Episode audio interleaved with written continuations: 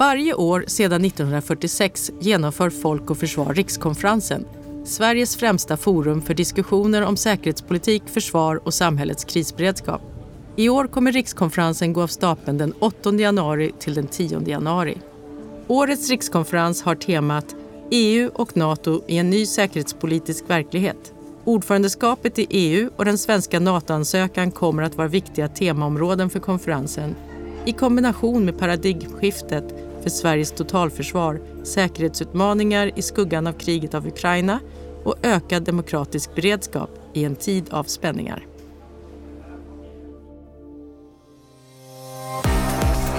Du lyssnar på Folk och Försvar-podden.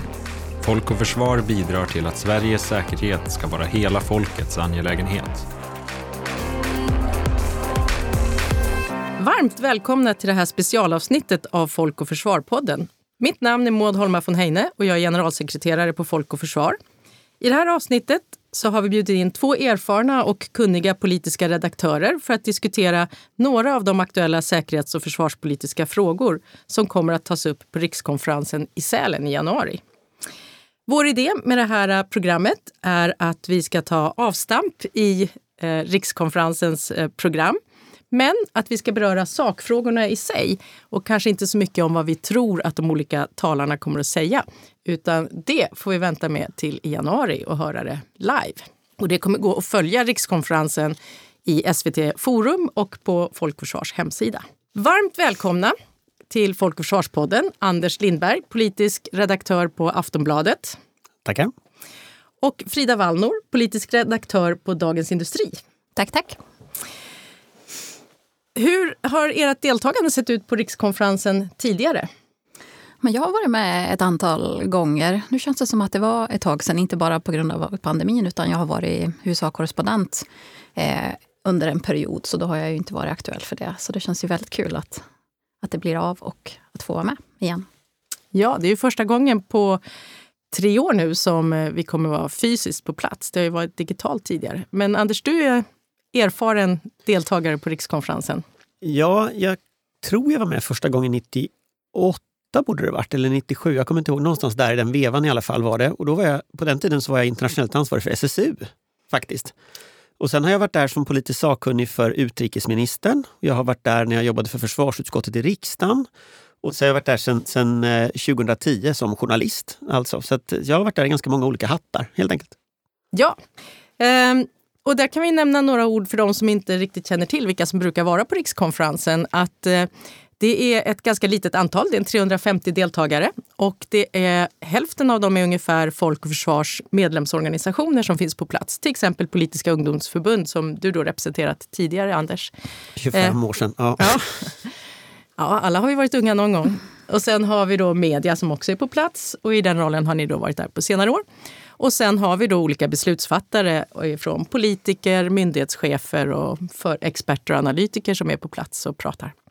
Ehm, så det är de som brukar vara där, helt enkelt. Ja, ehm, den första dagen så brukar det vara mycket fokus på säkerhetspolitik. Och eh, i år så kommer det vara naturligtvis stort fokus på Nato och EU eftersom Dels eh, är det stundande NATO-medlemskap förmodligen under året och eh, ett ordförandeskap inom EU som börjar vid årsskiftet. Eh, och ovanpå allt detta så finns det ju ett väldigt oroligt säkerhetspolitiskt omvärldsläge som ju också är anledningen till att Sverige och Finland har beslutat att ansöka om medlemskap i Nato. Den första punkten, blocket, heter just Sverige och Finland i Nato. och vad, vad har ni att säga om den här Nato-processen? Anders, vill du börja? Ja, nej, Sverige och Finland i Nato är ju en förhoppning kan man säga. Eh, och, och, eh, där är ju processen var ju väldigt intressant. Hade, hade man för ett år sedan eh, sagt att nu ska vi gå med i Nato eh, så hade jag sagt att det tror jag inte. Eh, och, och, jag har, alla gånger som jag har varit på Folk och Försvar så har vi diskuterat Nato. Väldigt ofta har jag fått diskutera Nato eh, som, som NATO-motståndare och eh, jag ändrade mig ju i våras efter invasionen eh, och tyckte jag hade ganska goda skäl till det. Men några punkter tror jag från den tiden ska vi nog ha med oss och som, som kommer att spöka nu första dagen här och det är ju Turkiet. Eh, det måste väl ändå sägas vara ett ganska stort misslyckande att vi inte diskuterade Turkiet innan eh, vi skickade in ansökan. Det kom som en överraskning både för, för regeringen och, för, för debatten generellt. Och den andra frågan är ju lite hur, alltså, vad, vad, kommer Nato att vara efter Madrid? När man då har liksom nu dels ökar förmågan oerhört mycket i östra Europa och dels kommer ju att ställa ganska tydliga krav på Sverige som medlem. Eh, och där, det har vi inte diskuterat heller riktigt. Det har varit lite så yrvakna debatter om ja, ska vi ha, tillåta kärnvapen på svenskt territorium och sån där fullkomligt nonsens som liksom ingen... Det är frågor som ingen kommer att ställa. Liksom.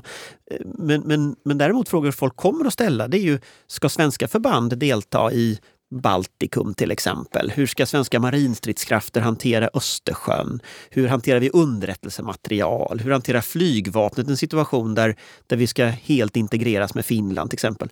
Och det där ställer ganska stora krav och ingenting av det här har vi diskuterat. Så att, eller väldigt lite i alla fall i den allmänna debatten. Och så att jag tycker nog att alltså, jag, jag, tycker nog att NATO-debatten lite har, alltså den handlade väldigt mycket om medlemskap för eller emot och sen dog den.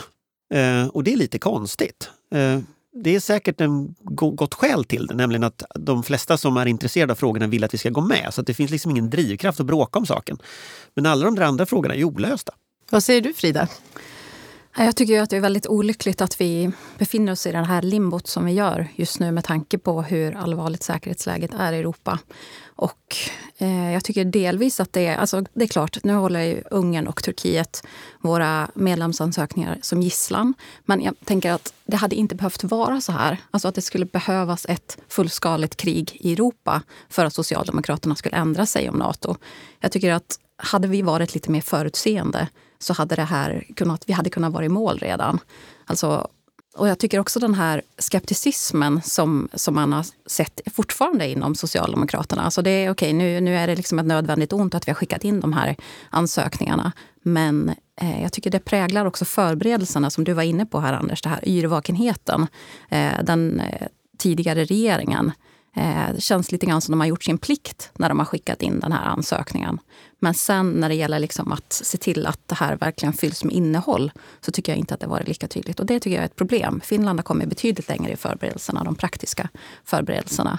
Sen måste vi absolut ha en diskussion om vilken roll som Sverige ska ha inom, inom Nato. Så att det inte blir som med EU-medlemskapet där det känns som att vi är med, men vi vill inte vara med i eurozonen, vi vill inte delta i gemensam upplåning. Vi, är liksom, vi vill gärna ha våra förbehåll. Mm. Så därför tycker jag att det är en väldigt viktig diskussion att prata om det här med kärnvapen bland annat. Jag tror att orsaken till att vi inte har diskuterat det ligger nog ganska mycket i att båda sidor vill att man ska gå med. Man vill inte röra upp en massa damm, ställa massa krav innan man går med. Eh, liksom så så det finns en sån återhållsamhet. Jag vet inte om den är klok. Alla Fast alltså det signalvärdet som vi skickar ut, till exempel när ÖB går ut och säger att vi ska, han rekommenderar att vi inte ska ha några förbehåll i vår ansökan. Jag tycker det är jätte, jätteviktigt, för det sänder ut en signal om att Sverige vill vara med fullt ut. Vi vill inte hålla på som vi gör inom EU.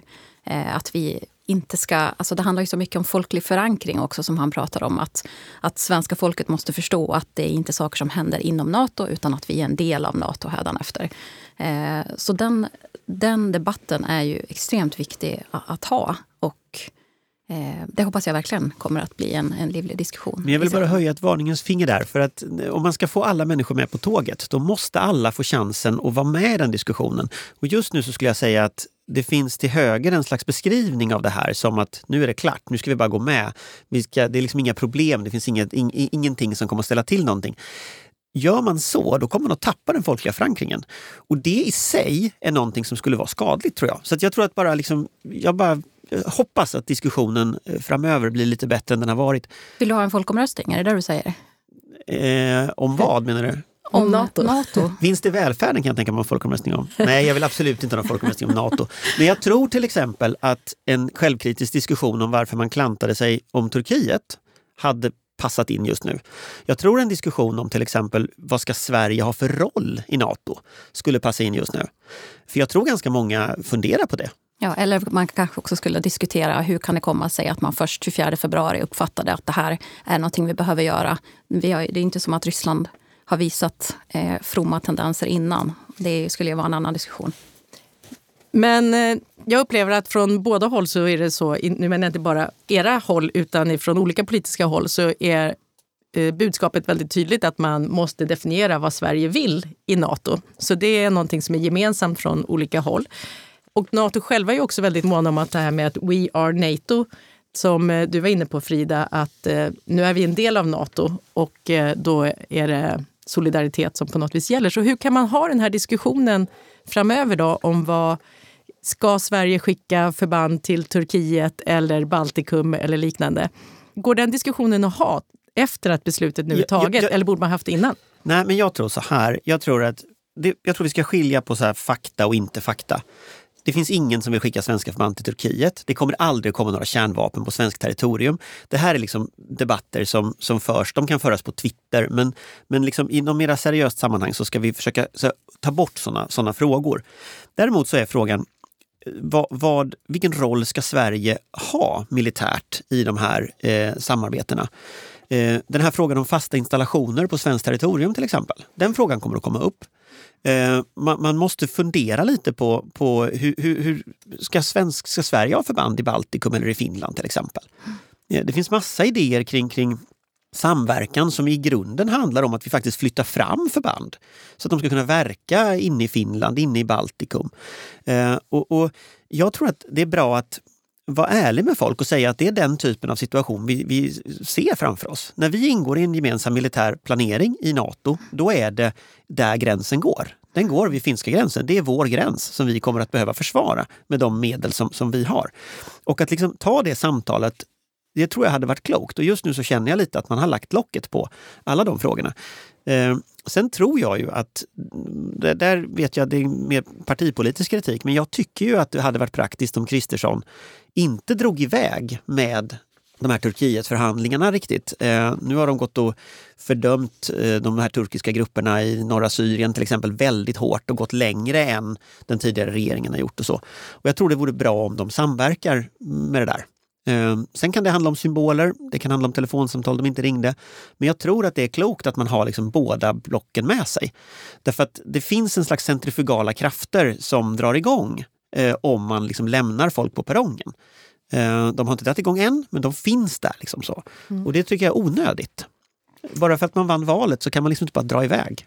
Frida, du nämnde EU mm. och eh, Sveriges strategi när vi gick med i EU. Eh, det kommer också att diskuteras på konferensen eftersom Sverige då har ordförandeskapet i ministerrådet. Eh, vad har du för uppfattning om EU kontra Nato? Eh, är de här synkroniserade? Och vad borde Sverige driva på nu när vi tar ett ordförandeskap mitt under ett pågående krig i Europa? Mm. Alltså jag tror att när det gäller Sveriges engagemang i EU och framförallt när det gäller försvars eh, politiken så har den ju varit måttlig. Och eh, det tror jag kommer att vara så även framöver under ordförandeskapet. Jag tror inte att det här kommer att vara frågor som, som prioriteras. Eh, svenska ordförandeskapet kommer i hög grad att präglas av kriget i Ukraina och att liksom försöka hålla ihop länderna, försöka hålla i sanktionerna mot Ryssland. Eh, nu är det ju dessutom energikris, lågkonjunktur, så att det kommer finnas mycket att, att liksom fokusera på. Men det är klart att EU också har gått igenom en process. Man har tagit fram den här strategiska kompassen som är en form av gemensam strategi. Man har pekat ut liksom olika mål här. Man, ska, ehm, man vill samordna länderna när det gäller förmågeutveckling, motståndskraft, krishantering, partnerskap. Så det är klart att det händer saker inom EU, också inom försvarspolitiken. Men där har jag upplevt att, att Sverige har varit ganska passivt eh, historiskt och jag har väldigt svårt att tro att den nya regeringen kommer att vara väldigt mycket mer aktiv. Framförallt nu när vi också får Nato att, att vara en del av, som kommer att bli betydligt viktigare såklart säkerhetspolitiskt för, för Sverige. Men som jag ser framförallt eh, där Sverige kan spela en roll eh, i, som ordförandeland inom EU, det gäller ju relationerna till USA. För att det har ju pratats väldigt mycket om strategisk autonomi inom EU eh, den senaste tiden och då framförallt kopplat till Kina och konkurrensen därifrån. Men nu med den här konflikten som verkar gry mellan EU och USA när det gäller den här det Biden-administrationen har lanserat, den här Inflation Reduction Act eh, och hotet om europeiska eh, motåtgärder som, som drar åt det protektionistiska hållet så tycker jag det är extremt viktigt att Sverige verkligen ser till att man håller isär handelspolitik, säkerhetspolitik.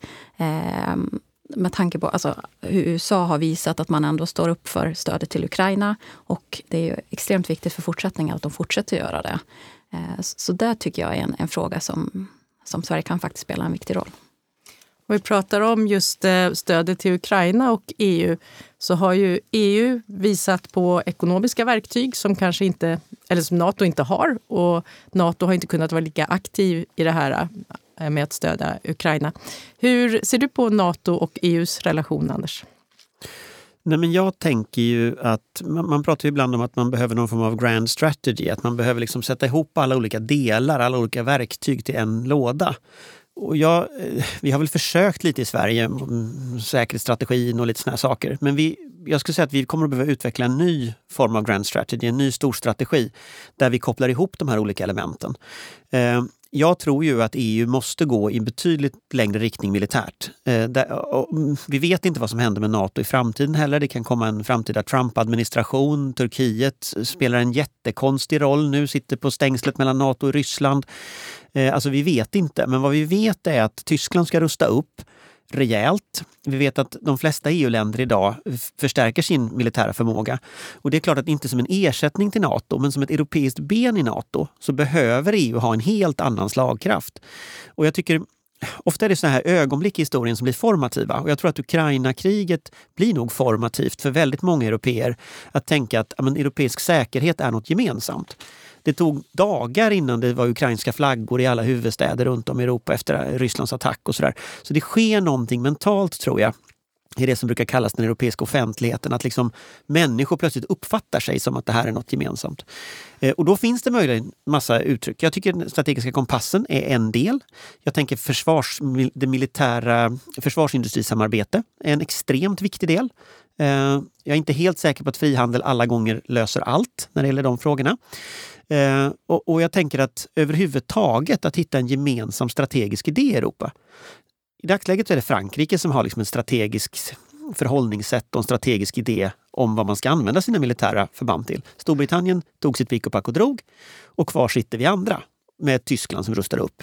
Så det är klart att här finns en möjlighet eh, att hitta något. Och då tänker jag att då ska Sverige vara med och forma detta någonting. Då ska vi ha liksom ett nordeuropeiskt perspektiv. Eh, därför att jag tror att det nordeuropeiska och sydeuropeiska är helt olika. Vi ser liksom Östersjön som vårt operationsområde. Vi ser Arktis, vi ser relationen till Ryssland. Eh, men vi ser också ett, ett Centraleuropa. Så att vi tittar både norrifrån och jag tror vi ser andra saker. Eh, och där tror jag att en sån diskussion om en, en svensk storstrategi, en svensk ny grand strategy skulle kunna vara en idé. Att liksom ta upp en sån diskussion. Och det är ganska roligt om man tittar på säkerhetsstrategin som ska definiera svenska intressen.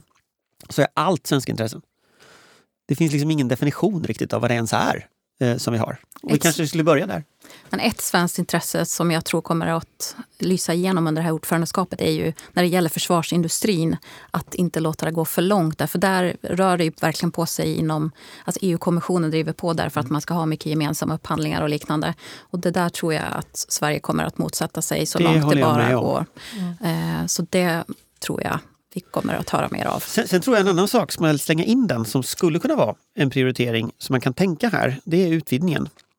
Alltså om vi går tillbaka 15 år i tiden, 20 år i tiden, när vi pratar om den här Big Bang-utvidgningen 2005 och sen eh, Rumänien och Bulgariens utvidgning 2007. Ett av de viktiga argumenten som framfördes då, som nu är ganska bortglömt, det är att om inte Europa är där så kommer de här länderna kunna vända sig österut. Eh, och Ryssland, även om Ryssland då var nere för, för räkning, så var det redan då igång med någon form av utveckling eh, i liksom det ryska strategiska tänkandet. Nu kommer precis samma fråga upp eh, om utvidgningen på västra Balkan till exempel. Utvidgningen i framtiden med Ukraina, Georgien och så vidare, men om vi tar västra Balkan, där det nu pågår en konflikt mellan Ryssland, Kina och EU om liksom hearts and minds, om allting. Och då tänker jag att där kanske Sverige med sin historia av att varit aktiva för utvidgningen också kan lyfta de frågorna. För precis samma strategiska idé som fanns bakom eh, Rumänien och, och det ställde till massa problem sen, så är det. Men de problemen hade varit mycket värre om de länderna hade vänt sig österut.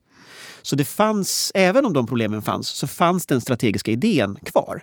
Och den tror jag man kanske skulle återuppväcka lite inom regeringen. Mm. Men en annan sida av det, får jag bara haka på, som jag tror är mer som är lättare att eh, genomföra under, liksom i närtid, det handlar ju om frihandelsavtal. För där har ju EU färdigförhandlat en rad avtal med bland annat Mexiko, nu Chile blev klart i fredags, eh, Mercosurländerna är nästan klart, Nya Zeeland är klart. Eh, där skulle man ju kunna driva på för att ratificera de här avtalen. För där handlar det verkligen om områden som är lite så här, står och väger mellan, mellan Kina och, och väst och liksom Ryssland har intressen. Eh, och där tror jag att Sverige skulle kunna driva på och få in liksom frihandeln och få in de här, att det blir en, liksom en geopolitisk markering. Att man ser till att de här avtalen faktiskt kommer på plats med de här väldigt viktiga länderna.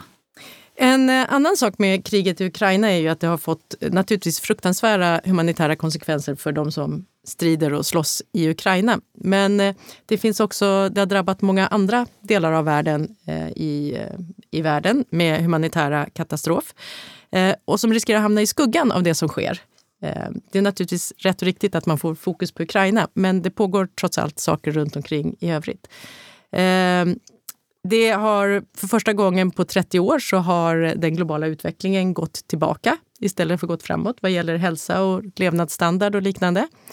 Eh, det här kommer också att lyftas eh, med bland annat eh, Röda Korsets generalsekreterare för den internationella Röda Korset. Och vad, har ni, vad tycker ni är viktiga frågor som har kommit helt i skymundan? Ja, ja, en viktig fråga som väl inte har kommit helt i skymundan men som ju ligger här det är ju naturligtvis den globala livsmedelssituationen. Eh, nu fick man ju loss eh, vet du, ukrainskt vete och eh, matolja och en del andra sådana grundsaker som, som ändå kom, eller solrosolja var det. Men överhuvudtaget så, så, så sker ju en, en alltså, om man ska bara, mitt eget bakhuvud liksom, när jag var liten, om man tittade på hur mycket pengar som lades på militära saker och hur mycket pengar som, som kunde så att säga, ha lagts på utbildning, på klimatomställning, på global hälsa, på välfärd så var det ju i en kalla krigssituation en tydlig prioritering. Man la pengarna på militära saker. Det var det man gjorde. Sen så kom liksom murens fall och islossningen och plötsligt kunde man flytta oerhörda summor, oerhörda resurser till global utveckling. Till att man satsade på hälsovård runt om i världen, utbildningssystem runt om i världen, reducera fattigdom runt om i världen. Och, och jag är ju rädd att den, förutom de här som strider nu och dör i Ukraina, så den stora globala effekten av det här blir ju att detta vänds ju nu. Alla de pengarna som borde kunna ha gått till hälsosystem och utbildning och, och, och fattigdomsbekämpning kommer nu att läggas på missiler. Eh, inte för att vi vill men för att vi har inget val därför att en galen människa angrep oss. Och problemet med Putins, liksom, det långsiktiga effekten av detta, särskilt om han går till kärnvapen, ska jag säga, om, om vi hamnar i ett läge där liksom den typen av vapen igen används, då, då ser vi ju en, liksom en omjustering, liksom en slags globalt skifte tillbaka till att pengarna går till militära frågor. Och, och då tänker jag att det är liksom på något sätt alternativkostnaden här blir helt enorm om du drar ut trådarna. Så att besegrar man inte Ryssland ganska snabbt så kommer ju, alltså det här kommer ju bara att bli värre. Eh, så. Men det är en mer långsiktig grej. Kortsiktigt så var det ju livsmedelsfrågan då, men långsiktigt så tror jag att det kan bli den största negativa effekten av, av Ukraina-kriget. För sen när du väl har byggt upp de här styrkorna som du har, de kommer ju också kräva underhåll och det kommer bli en stående kostnad. Eh, och allt större delar av världens budgetar kommer att gå till det här istället för saker det borde gått till. Och det är enbart Putins fel. Och, och det, jag tycker jag är en ganska förfärlig liksom, bieffekt av det här. Men en annan sak när det gäller kapitalströmmar som, som jag tycker var en ganska tydlig konsekvens av kriget. Det är ju det här med alltså politisk risk har ju länge varit en eh, det har ju varit ett begrepp som har varit bekant för globala bolag men det har ju verkligen fått en helt annan innebörd i och med den, den isolering som har varit av, av Ryssland, att bolag har lämnat Ryssland men också sanktionerna. Eh, och det tror jag är något som har förstärkt en trend som vi har sett inom världshandeln under en tid nu med ökad regionalisering, att bolag flyttar hem sin verksamhet närmare hemmamarknaden. Mm. Så det, det, tycker jag är en sak som har skett. Och en annan sak, eh, om man tittar i större perspektivet, är ju den här uppdelningen eh, mellan världens länder tycker jag också har förstärkts. Och det är också en allvarlig konsekvens. att Nu hade vi ju den här pågående konflikten mellan, mellan Kina och USA sen innan. Men man har lagt till, ett till en till dimension till det här. Att världens länder kan delas in i de som är för eller emot sanktioner mot Ryssland. Och jag tycker att det här är väldigt allvarligt för att det, det påverkar handelsmönster, det påverkar säkerhetspolitiken. De här USA och Kina teamar upp med liksom likasinnade länder. Det pratas om friendshoring, man handlar med dem som man har lika, liknande värderingar som. Och jag tror att det här ökar ju risken för att det kan bli andra typer av konflikter i framtiden av, av olika, olika slag. Och eh, jag tycker det verkligen är allvarligt och något det kanske inte pratas så mycket om. Jag tänkte att vi skulle ta och gå vidare till eh, dag två och tre i konferensens program. Och eh, då är det lite mer inåtriktande fokus jämfört med söndagen som blickar utåt. Då kommer vi prata om totalförsvaret. Och vi har ju nu två ministrar på samma departement som hanterar både det militära och det civila försvaret. Vad har ni för förväntningar att det kommer innebära?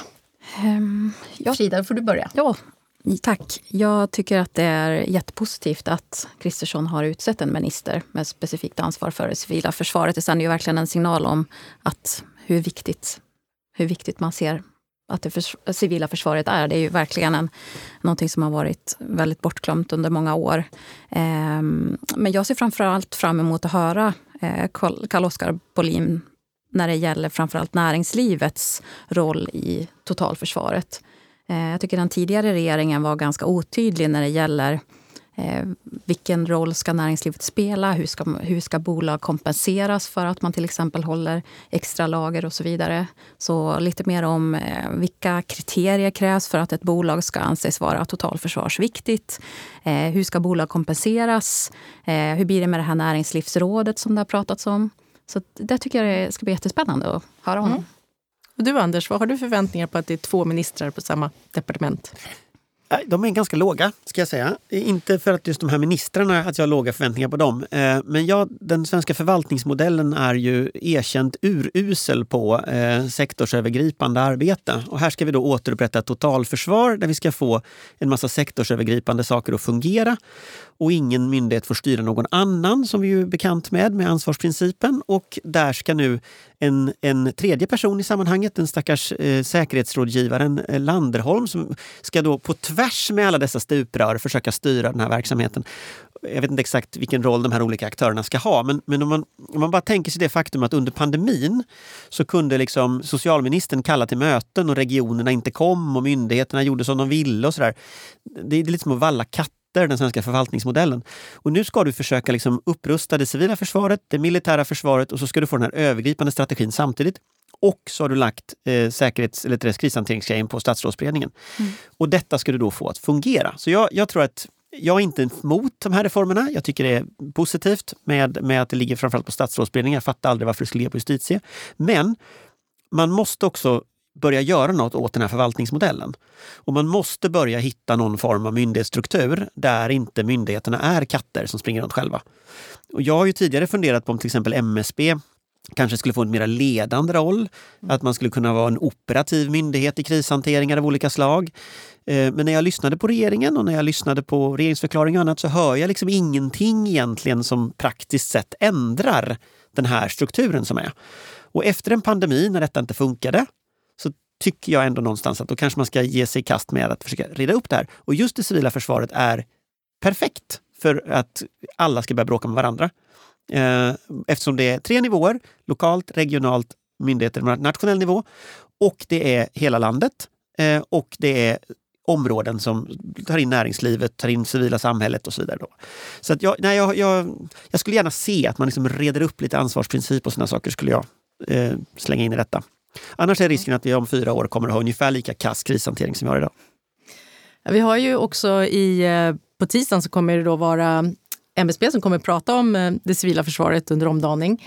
Eh, de har ju ändrat sin retorik en del från MSB. Från att ha pratat om krisberedskap som genererar ett civilt försvar så har de nu ändrat sig från till att mer prata att krig är den dimensionerande faktorn även för krisberedskap.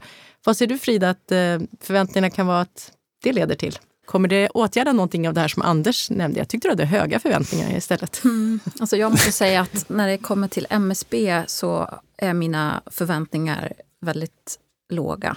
Men eh, jag ser fram emot att bli positivt överraskad att det kan bli förändring på den punkten. Det jag däremot verkligen skulle vilja höra mer om det gäller energiförsörjningen i Sverige som ju också är en viktig del av totalförsvaret. Och hur det här ska gå till nu när både försvaret ska byggas ut väldigt rejält samtidigt som då den svenska energiförsörjningen, energisystemet ska byggas ut väldigt rejält. Och vad jag förstår av alla de här olika eh, försvaret lägger in sitt veto mot olika vindkraftsparker till havs. Eh, till exempel. Det hör vi ju om hela tiden, nu senast nere i Skåne. Hur man ska kunna mer utveckla sådana här projekt i samklang, försvaret och eh, vindkraften. Det, det, skulle jag verkligen vilja höra mer om. Men det har ingenting med MSB att göra. Är det målkonflikter generellt? Ja. Ett genomgående tema på de här två dagarna kommer ju också vara hur Nato påverkar totalförsvaret. För det är ju inte bara, även om det är en försvarsallians, så är det inte bara Försvarsmakten som blir berörd, utan det kommer också ställa krav på vårt civila försvar och vår krisberedskap. Så det kommer ju vara många talare som kommer prata om just den biten. Anders, vad tror du är viktigt att, eh, för budskap för att skapa folkförankring kring vad NATO-medlemskapet innebär för hela samhället? Jag tror det finns två olika delar. Det ena är att jag tror att det behöver skapas ett förtroende för att myndigheterna faktiskt har kontrollen på det som händer. För jag tror att en av de sakerna som har hänt det här året, det är, och det är delvis något som skvalpar kvar sedan pandemin faktiskt, att, att, att det finns en slags misstro Eh, i stora delar av samhället. Inte mot att myndigheterna har en ond avsikt och sånt som kanske fanns i pandemin, men däremot för att man faktiskt har kontroll. Att läget är under kontroll. Och det sträcker sig liksom från Polismyndigheten eh, och skjutningar till eh, alltså Försvarsmakten i Östersjön. Eh, så jag tror att ett viktigt budskap är att man faktiskt har den kontrollen. Och det har man ju. Så är det ju. Men att människor ändå känner att det finns en försvarsmakt där. Om det värsta skulle inträffa, ja då finns det människor där. Jag tycker ÖB gjorde en sån här grej när han valde, eller vet du, utsågs heter det, eh, han, han ändrade den här retoriken om att det var en veckas försvar och sen skulle vi liksom allt gå åt skogen till vi ska slåss till sista man. Och jag tror att det där perspektivet, att det faktiskt är så att nej, vi kommer inte att backa. Vi står för våra intressen. Eh, och vi står för liksom, eh, eh de, de här, svenska intressena, svensk Sveriges befolkning, eh, landområden och så vidare. Överhuvudtaget att det förtroendet, det tror jag är en sån del. En annan sån del, det tror jag är att den här uppbyggnaden behöver gå fort. Eh, jag tror det behöver synas. Det kanske inte är något för just rikskonferensen, men jag tror att det var väldigt bra i somras när man synliggjorde eh, förband på Gotland till exempel. Att man synliggör övningar där människor är. Att man ser, idag är det väl de här julgransflygningarna Mm. tror jag, när vi spelar in detta. Jag tror också det är jättebra. Att alltså, Försvarsmakten är en del av samhället. Att man ser Försvarsmakten eh, så, som man har. Eh, så. Sen rent uppbyggnadsmässigt så gissar jag att din fråga handlar om vilka, vad man ska prioritera här. Eh, lite grann i det militära. Jag tror ju fortfarande, och det har jag eh, trott länge, att, så att säga, den, den blå sidan eh, och den gröna sidan har hamnat lite i obalans. Eh, jag tror till exempel att, att marinen behöver man vara tydlig med att man tidigare lägger beställningar och uppgraderingar. Det var, överhuvudtaget så ligger vi efter när det gäller marinen och nu kommer Östersjön att bli ett gemensamt operationsområde här som blir helt centralt och då måste vi ha marina stridskrafter. Eh, och det tror jag är en sån signal som, som jag tror skulle vara bra om den kom. För jag tror att flygvapnet, där tror jag liksom att man är ganska fast mark och jag tror att när det gäller uppbyggnaden av, av armén så där har man ändå liksom en, en mm. tydlig utvecklingskurva. Men där, jag tror att marinen, det tror jag man ska prata mer om. Men apropå folkliga förankringen så tror jag också att det är väldigt olyckligt det som har skett nu den senaste tiden med de här många rubrikerna som har varit kring svenska stridspiloter som tar tjänstledigt för studier, som är väldigt missnöjda med hur Försvarsmakten har agerat som, som arbetsgivare. Eh, och just när det gäller personalförsörjningen så tror jag att det är centralt för fortsättningen och för, för den folkliga förankringen att att alltså ska försvaret växa till 2% av BNP till 2026 så handlar det inte bara om att köpa in väldigt dyra Eh, försvarssystem och eh, materiel, utan det handlar ju framför allt om att rekrytera folk. Det handlar om att behålla de man har, som man har investerat väldigt mycket i. Ehm, så det tror jag kommer vara centralt framöver. Men det har ju ÖB pratat om många gånger, att man prioriterar. Men det känns ju som att man, att döma av de tendenser som har varit, framförallt inom flygvapnet, så tycker jag att det är upp till bevis att man, att man kan förbättra sig framöver. Men där tänker jag också att, att hur, hur, hur, hur, är man, alltså vad är nästa steg i, i den här i krigföring också? Och tittar vi i Ukraina så ser vi ju såna här saker som det här HIMAR-systemet till exempel. Otroligt effektivt system. Eh, vi, vi, vi, vi, vi ser drönarkrigföringen som är otroligt intressant. Överhuvudtaget fjärrstridsmedel av olika slag. En jätteintressant utveckling. Liksom. Och där tänker jag att det behöver man ju ta upp. Man behöver förklara hur, hur, hur tar vi de här erfarenheterna från Ukraina? Eh, där vi, ju praktiskt, vi kan ju se att vissa system, svenskutvecklade system som Enlau eller ja, pansarskott var otroligt effektiva.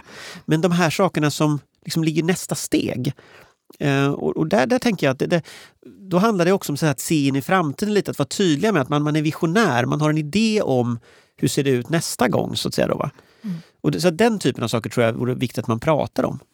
Det kommer också med en, en punkt som handlar om lärdomar från kriget i Ukraina och där Sverige har också varit en del i att lära upp den ukrainska försvaret att gå från eh, eh, traditionell rysk krigföring till lite mer modern rörlig krigföring. Eh, så det kommer säkert diskuteras. Eh, en sista sak som jag tänkte att vi skulle hinna nämna i alla fall innan den här podden har sitt slut. Det är ett område som kommer att handla om eh, hot mot demokratin. Och eh, både inre och yttre hot i, mot vår inre säkerhet. Eh, dels alla antidemokratiska tendenser som vi har sett med Kapitolium i USA och nu senast var det i Tyskland. Eh, det kommer att pratas lite grann om och sen har vi också brickor i samhällskontraktet, det vill säga brottslighet, organiserad brottslighet som utnyttjar våra välfärdssystem, gängkriminella som har rena strukturer hur du fostras in i den organiserade brottsligheten som också är ett hot mot vår säkerhet. Vad har ni för några tankar kring hur det här hänger ihop? Alltså jag, jag, det här är ju det här är ju liksom breddat säkerhetsbegrepp på väldigt många sätt. Därför att det är klart att om man tittar på liksom rysk doktrin så ser man hur man blandar ihop just krig och fred, civilt militärt, men också hur man använder den här typen av sårbarheter mot oss. Och jag skulle säga att det, jag, jag, ser tre sårbarheter som finns i, i vårt system som jag tycker är, är ganska knepiga att hantera allihopa. Det första är den högerextrema mobiliseringen som vi ser. Eh, där vi, Almedalen hade vi ett terrordåd liksom, eh, och ett mord eh, mitt i Almedalen i år. Alltså, det, det är en typ av mobilisering som påminner lite om 90-talet, alltså med Alexander och alla de här som var då. Att det sker pikar ibland i högerextrem mobilisering. Vi ser den nu. Jag hoppas att man har bättre säkerhet till nästa Almedal. Men liksom, det här är liksom på riktigt i, i det systemet. Det andra som är, det är ju den organiserade brottsligheten som du sa. Eh, och där är ju, tror jag, jag har inte sett något bra svar på den. Och jag har inte sett något bra svar på hur man hindrar återrekryteringen framför allt. Och vi kan bura in hur många som helst. Om, vi, om det kommer en återrekrytering som bara rekryterar in nya så kommer inte det att funka. Eh, och då blir det en bredare politisk fråga, en säkerhetspolitik. Och det tredje är ju den här typen av antidemokratiska islamistiska rörelser. Eh, och där har vi det här partiet Nyans till exempel, som ju har, har verkar ha kopplingar till Turkiet och Grå vargarna och, och, och, ja, och frågan är väl så att säga var gränsen mellan det partiet och eh, någon slags turkisk underrättelsetjänst går. Att liksom här, här vet vi ju inte egentligen vad det här är för krafter vi har att göra med. Och jag tror att eh, på ett sätt behöver man prata om de här som separata saker. Därför att de är distinkt olika. Men på ett sätt är det också en typ av situation där man måste återta, återigen, återta kontrollen. Man måste uppleva som att svenska myndigheter har kontroll på de här sakerna. Och då tror jag till exempel att det som hände i Almedalen, eh, att polisledningen inte efteråt har varit mer självkritisk, tror jag är ett problem. Därför att, därför att till alla de människor som är måltavlor för högerextremister, eh, alla de som stod på de här listorna som den här nazisten hade upprättat, för det var ju ganska många som stod på de listorna, så betyder det ju någonting att polisen inte säger åh herregud, vi borde ha gjort det här och det här och det här och det här. Så, utan säger det gick inte att kolla. Eh, och så fick man reda på att det var någon polis som hade sett den här personen och ändå upplevt att det var ett problem men sen inte agerat och sådär. Jag tror att det där är farligt för demokratin. Därför att det kommer att göra att människor inte eh, liksom är aktiva. Och jag tror i utsatta områden så tror jag nyans är ett problem faktiskt. Eh, dels för att man splittrar, men dels också för vad man står för. Mm. Frida? Jag tycker det är jättebra att ni tar upp de här, de här frågorna på, på konferensen. Men jag tycker också att just när man pratar om hotet mot demokratin så har ju den missbrukas lite grann under den valrörelse vi precis har gått igenom. Att det var många partier som, som pekade på SD och säger att kommer de här in i värmen så, så kommer Sverige att förvandlas till Ungern. Så jag tycker att eh, jag tycker det var väldigt olyckligt att man, att man uttryckte, sig, uttryckte sig på det sättet. Men det är ändå viktigt att man alltså, tittar på vad som har hänt i, i USA och vad som nyss har hänt i Tyskland. Så sätter det väldigt, verkligen fingret på att det är, ett, det är ett problem och det är väldigt viktigt att vara vaksam. Eh, men eh, jag tycker också att man ska vara lite försiktig med att liksom, se demokratihot runt varje hörn. Tack. Eh, tack så hemskt mycket för att ni ville medverka i Folk och Försvar-podden. Eh, det har varit väldigt intressant samtal. Tiden går fort. Tack Anders Lindberg, politisk chefredaktör på Aftonbladet och Frida Wallnor, politisk redaktör på Dagens Industri. Tack för att ni var med. Tack.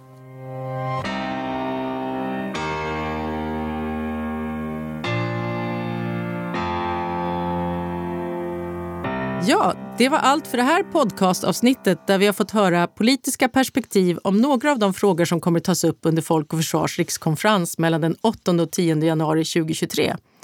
Glöm inte att det går att följa rikskonferensen live via Folk och Försvars hemsida, direkt på Youtube eller via SVT2. Detta var även det sista avsnittet av Folk och Försvar-podden för 2022. Vi är tillbaka med nya poddavsnitt i början av nästa år och då kommer vi släppa nya avsnitt varannan fredag. Gå gärna in och tryck på prenumerera-knappen i din podcast-app om du vill fortsätta att lyssna på vår podcast. Och du kan också ta del av Folk och Försvar på vår hemsida www.folkokforsvar.se. Tack för att du har lyssnat och god jul och gott nytt år!